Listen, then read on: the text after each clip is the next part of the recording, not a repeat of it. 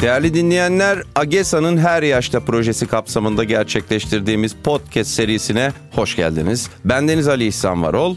Beni kelime oyunundaki sarsılmaz sabrım ve Doktor Strange olan benzerliğimle tanırsınız. Bunlar gurur duyduğum niteliklerim değil. Gel gelelim şu anda karşımda oturmakta olan ve bu ülkenin yetiştirdiği en değerli çizer ve hikayecilerden Sayın Emrah Ablağ'ın kabul buyururlarsa efendim ahbabı olmaktan dolayı büyük gurur duyuyorum. Hocam hoş geldiniz. Hoş bulduk abi. Çok teşekkür ediyorum. Nasıldı çok girişim? Müthişti. Çok ince girdin yani. Eksik olmayın. Çok teşekkür ederim. Seninle böyle aramızda mikrofon olmadan da sohbet etmek her zaman benim zihnimi ve ufkumu açar. Bunu da tekrar tekrar söylemişimdir.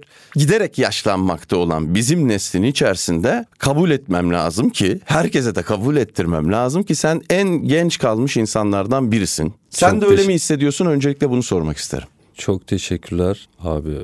İltifatın için, iltifatlar serinin için çok teşekkürler.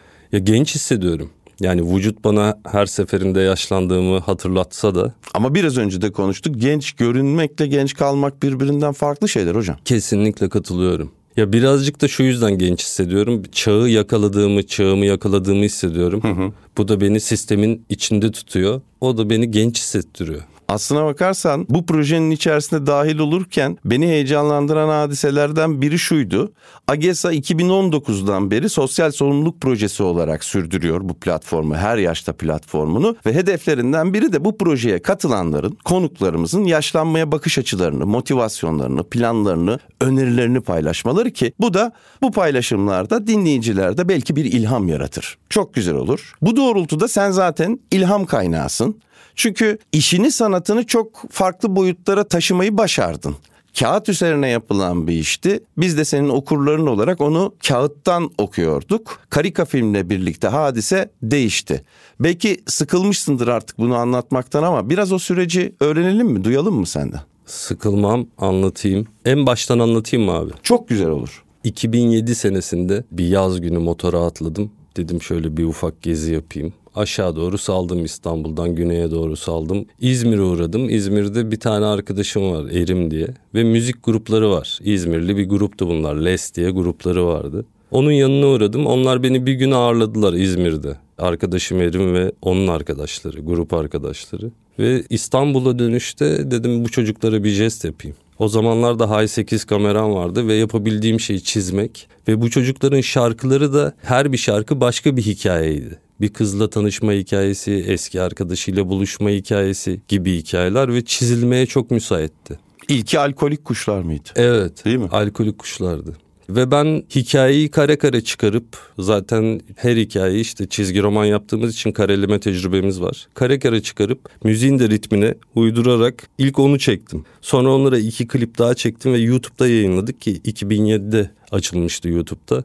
Ve şey oldu YouTube'da çok sevildi o dönem ama zamanı değildi. Bana geri dönüşü yoktu. Seneler sonra Instagram, Twitter gibi medyalarda daha çok çalıştı iş. Böyle başladı aslında. İlk örnektir değil mi? Hani karikatürü dijitale taşımak. Ben görmedim böyle bir şey. Senelerdir yapıyorum bir örnek de bana gelmedi. Yapılıyor ama şimdi. Görüyorum. Yapılıyor. Hatta bir tane Japon çocuğun yaptığını gördüm. Hmm, Yeni. çok Evet. güzelmiş, çok güzelmiş. Ben yani hep Türkçe şeyler izlemiştim ama dışarıya da açıldık. Çok hoşmuş hocam. Ya bilmiyorum yani birazcık yorucu bir iş. Yani her çizerin altına gireceği bir şey değil. Çok fazla mesaisi var. Dolayısıyla çok tercih etmedi insanlar. Yani karikatür çizmekten ziyade çizgi roman yapmak gibi bir şey. E sen işten kaçan bir insan değilsin zaten. Çok şükür. Senin okurunduk, hayranındık. Şimdi takipçiniz aynı Abi zamanda. çok teşekkürler. Bir mukavele. YouTube'da yaptığın sohbetler de mesela çok hoş oluyor. Özellikle de yani genç takipçilerinle birlikte girdiğin diyaloglar benim çok hoşuma gidiyor. Hatta bir keresinde sesinin çok genç olduğunu söyleyen birçok yorum almıştın da canı sıkılmıştı. Demiştin ki çok genç değilim arkadaşlar hayvan gibi yaşlandım demiştin. Yani fena halde yaşlandım demişti ama yaşlılıktan çok korktuğunu zannetmiyorum hocam senin. Müsaade edersen bir projem var ki ben de dört gözle bekliyorum. Çanakkale Savaşı'nı çizeceksin. Evet. Yıllardır bekliyoruz ve bunu mesela emeklilik projem diye adlandırıyorsun değil mi Doğru. sen? Ama yani emeklilik kafalarda böyle bir şey değildir. Bizim ülkemizde belli bir yaşa ulaşmış kime sorsak ne zaman emekli olacağını yılıyla, ayıyla, günüyle bilir. Fakat emekli olduktan sonra ne yapacağına dair o kadar net fikirleri yoktur. Net fikirleri varsa da çok yaratıcı değildir. Sen biraz amiyane tabir olacak, basit bir tabir olacak belki ama sanat hayatındaki en büyük mücadeleyi o döneme bıraktın. Doğru. Motivasyonun nedir? Abi sen de Kafkas türküsün. evet. Ben de Kafkas türküyüm ve biraz uzun yaşıyoruz. Benim dedemde de vardı bu sıkıntı. Babamda da var. Babam Allah ömür versin 86 yaşında ben ne yapacağım diye düşünüyor. Emekli olduğunda kitap yazacağım diyordu. Yazdı 700 sayfalık kitap yazdı. Şimdi ne yapacağım diyor. Biraz böyle bir durum da var yani 60-70 emekli olduktan sonra Allah ömür verirse önümüzde 30-40 sene var. Az değil. Ne yapar insan 30-40 sene oturarak? Çalışmalı. Muhakkak çalışmalı. Üretimin içinde olmalı ama görünen pek öyle değil hocam. Yine bu projeye hazırlanırken AGESA'nın hazırladığı aslına bakarsan yaşlılık ve yaşlanma konusunda literatüre de ciddi büyük katkı sağlamış bir dosya diyeyim müsaadeleriyle. Türkiye'de yaşlılık tahayyülleri ve pratikleri diye halihazırda paylaştıkları içerisinde veriler ve yorumlar olan bir dosyaları var. Oradan birkaç not almıştım. Mesela şu çok dikkatimi çekti benim. 2020 yaş istatistiklerine göre ülkemizde emeklilerin yüzde 71'i çalışmayı tamamen bırakıyormuş. 65 yaş üstü insanların arasında çalışanların büyük kısmı da tarımda varlık gösteriyorlarmış. Bunu nasıl yorumlayalım? Neden acaba işten kaçıyoruz? İşten kaçıyor muyuz yoksa hal mi kalmıyor insanımızda? Aslında bu çağla alakalı bir şey abi. Hani bir eğitim alıyorsun, üzerine bir kariyer yapıyorsun. O kariyerde ustalaşıyorsun ve emeklilik bekliyorsun. Hı hı. En sonunda da emekli oluyorsun ve sistem de buna uygundu. Seni emekli ediyordu, bir emekli ikramiyesi veriyordu filan ama şimdi girdiğimiz yeni çağda artık bu emeklilik mevzusu bitti bir kariyerle ömür geçirme olayı bitti. Herkes ortalama hayatı boyunca 2-3 kariyer yapacak ve hayat boyu öğrenme denen şeye başladı aslında. Yani emeklilik dediğimiz şey geçtiğimiz çağa ait bir şey. Bitti artık öyle bir şey olmayacak diyebiliyorum. Ama, ama bu istatistik işte böyle demiyor. Yani bu farklı bir şey anlatıyor e bize. Çünkü geçtiğimiz çağ insanları buna ittiriyordu. Hı hı. Ama şimdi yeni gelen çağ kendi argümanlarıyla yeni kuşakları başka türlü yetiştirecek. Yani geçtiğimiz çağın abileri bunu yaptılar. Yeni gelenler bunu yapmayacaklar. Bakış açısı genellikle emekliliğe bakış açısı genellikle birçok şeyin biteceği dönem olarak ele alınıyordu. Şimdi yani yeni şeylerin başlayabileceği bir dönem diye plan yapmamız mı gerekiyor? Orta yaşa ulaştığımızdaki onu da tanımlamak lazım. Müsaade edersen konuşmanın ilerideki bölümlerine bırakmak istiyorum onu. Orta yaşa ulaştığımızda yapacağımız işleri yaşlılığımıza mı taşıyacağız? Nasıl yapmamız gerekir? Ben bu işi 60 yaşıma geldiğimde şu koşullar ve şu imkanlar dahilinde yapmaya başlarım planlarımı yapmamız gerekiyor. Ne bileyim 30'lardayken 40'lardayken. Ya 30'larda 40'larda sanırım hobilerimi mesleğe nasıl dönüştürürüm diye düşünmek gerekiyor. Hani benimki birazcık ekstra bir durum herhalde. Ben hani ömür boyu bu işi yapacağım. Sürekli çizeceğim zaten severek yaptığım bir şey. Fakat mecburen yapılan bir işse, para kazanmak için yapılan bir işse yapılan 30'a 40'a kadar. 30'dan 40'tan sonra o insanın kendini dinleyip hani neyi sevdiyse, neyi hobi olarak geliştirdiyse onu mesleğe dönüştürebilir. Keyif alıyorsa eğer. Beraberinde sen mesela kendi mesleğinde farklı bir boyut açtın. Değil mi? Karika filmle birlikte bunu yaptın. Buna yönelik çalışmalar da yapılabilir o zaman. Yapılabilir tabii ki. Ne gibi mesela? Ne bileyim genç kalmak lazım o zaman. Yani hani değişenin ne olduğunu, değişmekte olanın ne olduğunu iyi anlamak gerekiyor. Mesela ben biraz gerideyim bu konuda daha öncesinde seninle NFT'yi konuşurken doğru. Çok açık ve net bir şekilde açıklayabilmiştin bana. Bu konuyu bilen insanları da dinlediğimde senin kadar sakin bir şekilde anlayamadım onları. Anlatamadılar daha doğrusu. Bunu mesela nasıl başarıyorsun? Etrafa bunu nasıl yayabiliriz? Senden onu öğrenmek isterim. Genç kalmayı nasıl başarıyorsun? Fikri genç, vicdanı genç, irfanı genç kalmayı nasıl başarıyorsun? Nasıl başarıyorum abi? Bir kere gençliği kafaya çok takmıyorum. Hı kendime hedefler koyuyorum yani. Şunu yapacağım, şunu yapacağım, şunu yapacağım. Gerçekten her sabah kalktığımda bugün ne yapacaktım diye düşünüyorum. Çünkü muhakkak yapacak bir şeyim var o gün. Ve 5 sene sonrası için, 10 sene sonrası için işte demin konuştuk. Emeklilik için en büyük planını emeklilik için koydum mesela. En ağır olanı. Hı hı. Yani çiçek sulamak istemiyorum emekli olduğumda abi. Ağır işlere girmek istiyorum. Çünkü bakıyorum bizim meslekteki ustalara onlar da aynı şeyi yapıyor. Mesela İlban Ertan Puslu Kıtalar Atlası'nı çizdi o kitabı yaparken iki gözünden de katarakt ameliyatı oldu yani. Bir tane Azeri doktor sağlık ocağında yaşı 75-80'di. Benden önce bir hasta var yine onun yaşlarında. Ona bir şeyler anlatıyor. Ben de sıramı bekliyorum. Ona dedi ki sen dedi yaşlanıyorsun dedi. Her gün yürümen lazım dedi ve her gün bir önceki günden daha fazla yürümen lazım dedi. Genç kalmak için kendimizi hep daha fazla zorlamamız gerekiyor. Yani kolay gün dündü. Çünkü her gün rakiplerin de artıyor dışarıdaki her geçen gün hep daha fazla uğraşman gerekiyor. Daha çok çalışman gerekiyor. Bence gençliğin sırrı çalışmak. Bakış açısı nasıl olacak peki gençlere? Değişiyor her şey diyorsun ya. Kendimizi de değiştirdik ama toplumun yaşlıya bakış açısı nasıl olacak sence? Bence yaşlı genç diye bir şey kalmayacak. Yani eğer dijital bir çağa giriyorsak hı hı. ben şimdi görüyorum şeyde internette Twitter space'lerde filan hani karakterler var konuşuyorlar ama yaşları hakkında veyahut da tipleri hakkında hiçbir fikrin yok. Hepsi şey kullanıyor avatar kullanıyor hepsi. Şimdi metaverse diye dünyalar var. İnsanlar avatarlarını yapıp giriyorlar. Hatta belki işlerini de orada yapacaklar. Şimdi dijital bir ortamda sen avatarla işini yapmaya başladığında gerçekten yaşın bir önemi kalacak mı? Ne kadar çalıştığının önemi olacak bazı şeyleri kaybettirir mi bu? Mesela yaşa hürmet diye bir şey vardı. Bizden önceki nesillerin sahip olduğu bir nitelikte.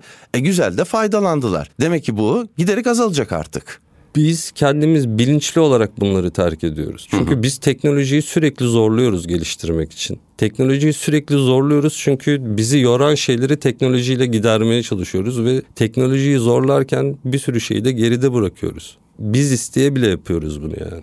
Peki yaşlılık bir itibar mıdır ilerleyen günlerde yoksa hiç önemsemeyecek mi insanlar gözüyle bakıyorsun? Çünkü giderek yaşlanıyoruz. Hani biraz önce de bahsetmiştik ya bir istatistik daha var elimde. Yine 2020 yaş istatistiklerine göre 65 yaş üstü vatandaşların nüfusa oranı son 5 yılda 22.5 artmış. 65 yaş üstü kişi sayısı 2015'te 6 milyon 495 bin 239 kişi. Sonra 2020'de 7 milyon milyon 953 bin 555 kişiye çıkmış. Yani 1 milyon 350 bin kişi daha yaşlı sıfatına sahip olmuş.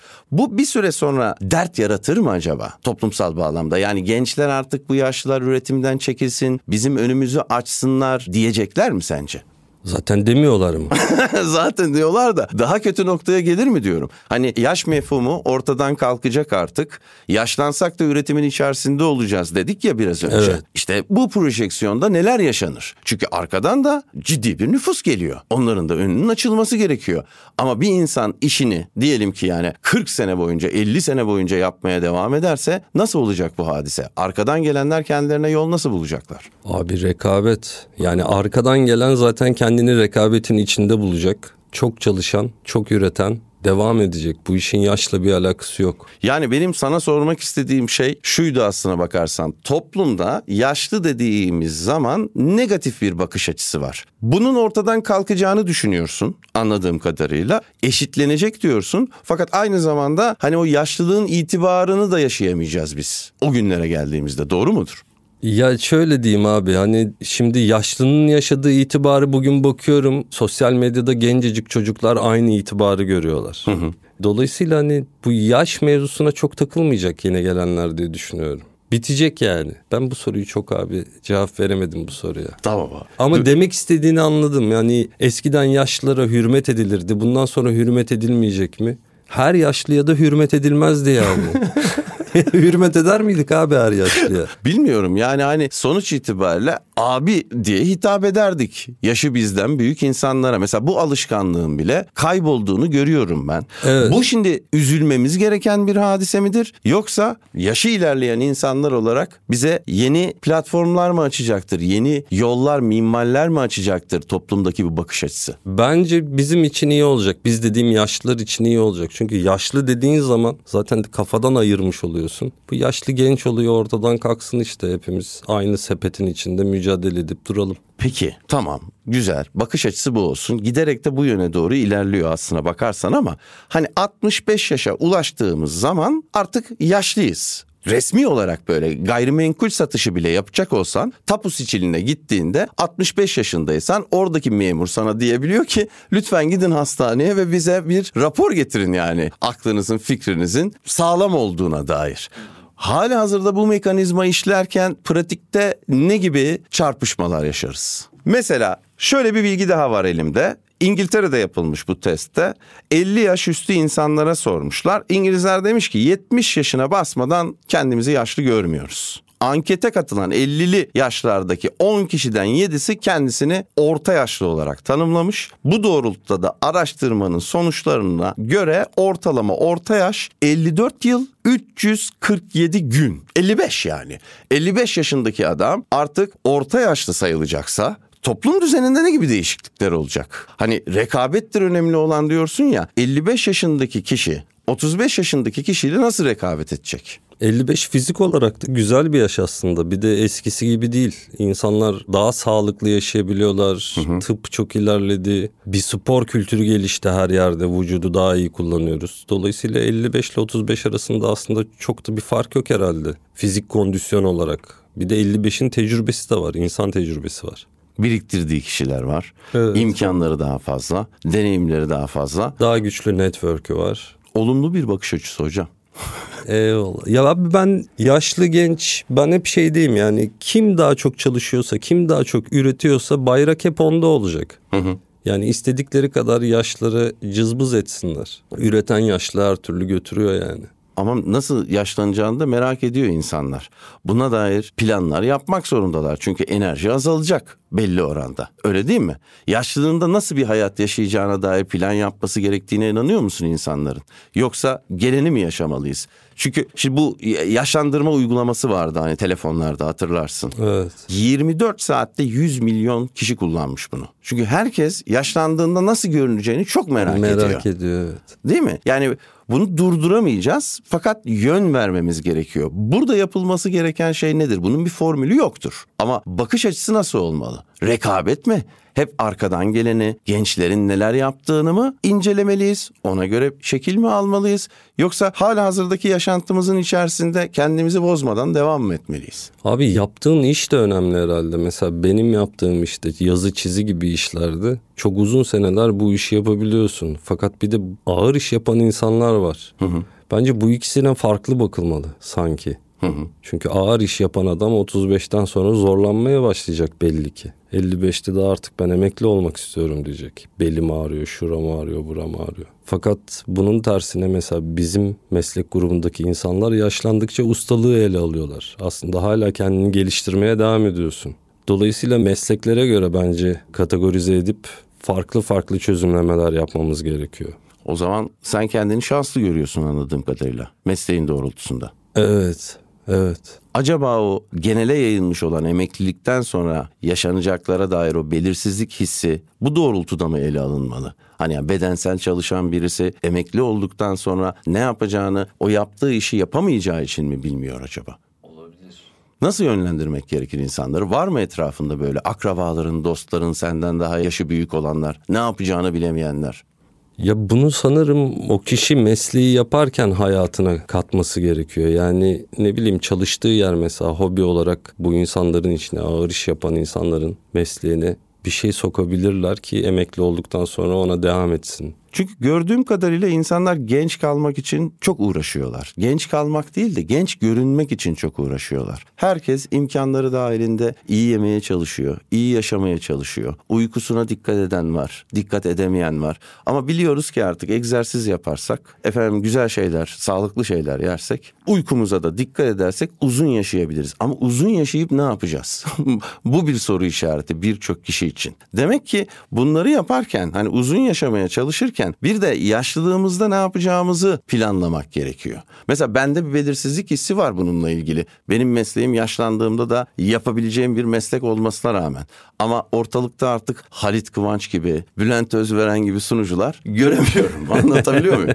Zaman içerisinde bu belgesellerdeki işte efendim semercilik bitti artık diye ustanın yanına gidiyorlar ya öyle bir şey olur mu acaba diye korkum var yaşlanmaya dair. Hadi bana bir teselli ver veyahut da bana bir yön göster. Ne yapmam gerekir? Senin ekstra bir şey yapmana gerek yok ki abi. Sen bu şekilde devam edersin yani. Olur mu dersin? Kesinlikle genç görünmem gerekir mi peki acaba? Çünkü yani ekranda insanlar bana bakıyorlar. Giderek saçlarım beyazlıyor. Anlatabiliyor muyum? Eskisi kadar güzel değilim artık. Buna dair bir çalışmam olmalı mı? Yani şöyle bir durum da var abi. Kimin için genç görüneceksin? Hani gençlere hitap ediyorsan belki genç görünmen gerekir de sonuçta diyorsun ki yaşlı nüfus da artıyor. Yani zaten bizi tüketen kitle bizle beraber yaşlanıyor ve hep beraber yaşlanıyoruz. Gençler orada takılsın. Biz burada partilemeye devam edelim madem yani. Çok güzel bakış açısıymış hocam. Peki hazırladığım birkaç tane soru var. Yanlış anlama bunlar yani herhangi bir puan falan verip de ondan sonra bir sonuca ulaşacağımız şeyler değil. Eğlenmek için yazdık bunları. Sonunda da herhangi böyle psikolojik bir çıkarımda falan bulunmayacağız. Üzerine yorum da yapmayacağız. Sadece benim işim işte kelimeler, harfler falan olduğu için A'dan Z'ye kadar iki tane şık hazırladım. Daha doğrusu iki tane seçenek vereceğim sana. Onlardan bir tanesini seçmeni isteyeceğim. Diğerinden tamamen vazgeçtin demek değil bu bu arada. Tamamdır. Hangisi daha ağır basıyorsa onu söyle bize ne olursun. Ve bunu cevapları verirken de arzu ettiğim şey 100 yaşında olduğunu hayal etme. Emrah Ablak 100 yaşına ulaşmış. Nasıl ulaşmak istiyorsa o şekilde ulaşmış. Nasıl yaşamak istiyorsa o şekilde yaşıyor. O Emrah Ablak'ı düşünerek A'dan Z'ye şunların arasından bir tanesini seç lütfen. Başlayalım mı? Başlayalım abi. Tamam. 100 yaşındaki Emrah Ablak. A harfi. Anlasın mı? Anlaşılsın mı hocam? Anlasın. Anlasın. Güzel. B harfi. Başarmış mı olsun? 100 yaşına gelene kadar başarmış mı olsun? Barışmış mı olsun? İkisi de olsun ya. Hangisi daha ağır basıyor? Barışmış olsun. Barışmış olsun. C harfi. 100 yaşındaki Emrah Ablak cevabı yapıştırsın mı? Cevap bile vermesin mi? Cevabı yapıştırsın. Çok güzel. Ben de aynı şeyi söylerdim. Birçok kişi cevap bile vermesin diyor. Geldik Ç harfine. 100 yaşına kadar yaşadıysa, istediği gibi yaşadıysa ve istediği noktadaysa acaba çizgisini hiç bozmamış mıdır Emrah Ablak yoksa çizginin ötesine mi geçmiştir? Çizgisini bozmamıştır abi. Çok güzel hocam. Geldik D'ye. 100 yaşındaki Emrah Ablak ne desin? 100. yaşının sloganı ne olsun? D. Dahası var mı? Daha ne var mı? Dahası var. Çok güzel. Geldik E harfine. Şimdi belki bunu hani neyse okuyorum. Sen zaten halledersin kendi kafanda. Acaba 100 yaşındaki Emrah Ablak E emekli maaşıyla tatile mi çıksın emekleyen torununa hesap mı açsın? Emekleyen torununa hesap açsın. Pek güzel. Geldik F'ye. Buna aslında cevap verdin sayılır ya. 100 yaşına geldiyse Emrah Ablak fark mı yaratmıştır, farkına mı varmıştır? Zor mu? Ya gönül ister ki fark yaratmış olsun da ama farkına da varmak lazım yani. Daha ağır olanı farkına varmak. Evet abi. Çok güzel hocam. Sıkıldın mı? Hayır hayır. Devam ediyorum. Hızlanarak Lütfen. devam ediyorum. G. 100 yaşındaki Emrah Ablak görüp gözetsin mi, görmezden gelmeyi bilsin mi? Görüp gözetsin. Görüp gözetsin. H. Hediyeler mi versin, hediyeler mi alsın? Hediyeler versin. I. ılıcalarda mı dinlensin, ılgaza mı tırmansın? Ilıcalar uygundur abi. Pek güzel. İ. İnsan mı biriktirmiştir 100 yaşına gelene kadar Emrah Ablak yoksa imkanlarını mı genişletmiştir? İnsan biriktirmiştir. İnsan biriktirmiştir. J. Hangi sporla uğraşıyordur 100 yaşındaki Emrah Ablak? Jimnastik mi, jiu-jitsu mu? Jimnastik. Jimnastik. K. Kader deyip geçiyor mudur artık 100 yaşına ulaştıysa yoksa karınca kaderince yine mücadeleye devam ediyor mudur? Karınca kadı, Kaderince mücadeleye devam, ediyor. Harika senden de bunu beklerdim. L. Lebi Derya evde mi otursun yoksa leb demeden leblebi mi anlasın? Leb demeden leblebi yanlısın. Devam çok güzel. M. Merak mı etsin merak mı uyandırsın? Merak uyandırırız. Ne? Nedeni mi daha iyi çözebilmiş olsun? Nasılı mı? Bu biraz ağır. Nasıl? Nasıl değil mi hocam? Kesinlikle ben de aynı cevabı vermiştim. O istediğin gibi düşün o şekilde cevap ver. Oraya mı varmış olsun? Oradan mı dönmüş olsun? Oraya varmış olsun. Dönmesin. Yani kafasına göre dönebilir. Çok güzel. Ö. Ömürsün Emrah mı desinler 100 yaşındaki Emrah abla yoksa ömre bedelsin Emrah mı desinler? Ömre bedelsin desinler. Ömre bedelsin desinler. Peki biraz da paradan bahsedelim. P harfindeyiz. Bu yaşına kadar 100 yaşına geldiyse ve istediği gibi geldiyse para peşin kırmızı meşin mi demiştir? Parayla değil sırayla mı demiştir? Parayla değil sırayla. Demiştir. Güzel. R. Rızkını mı daha çok düşünmüştür, riskini mi hocam? Rızkı daha çok düşündü. Düşünmüştür. Pek güzel.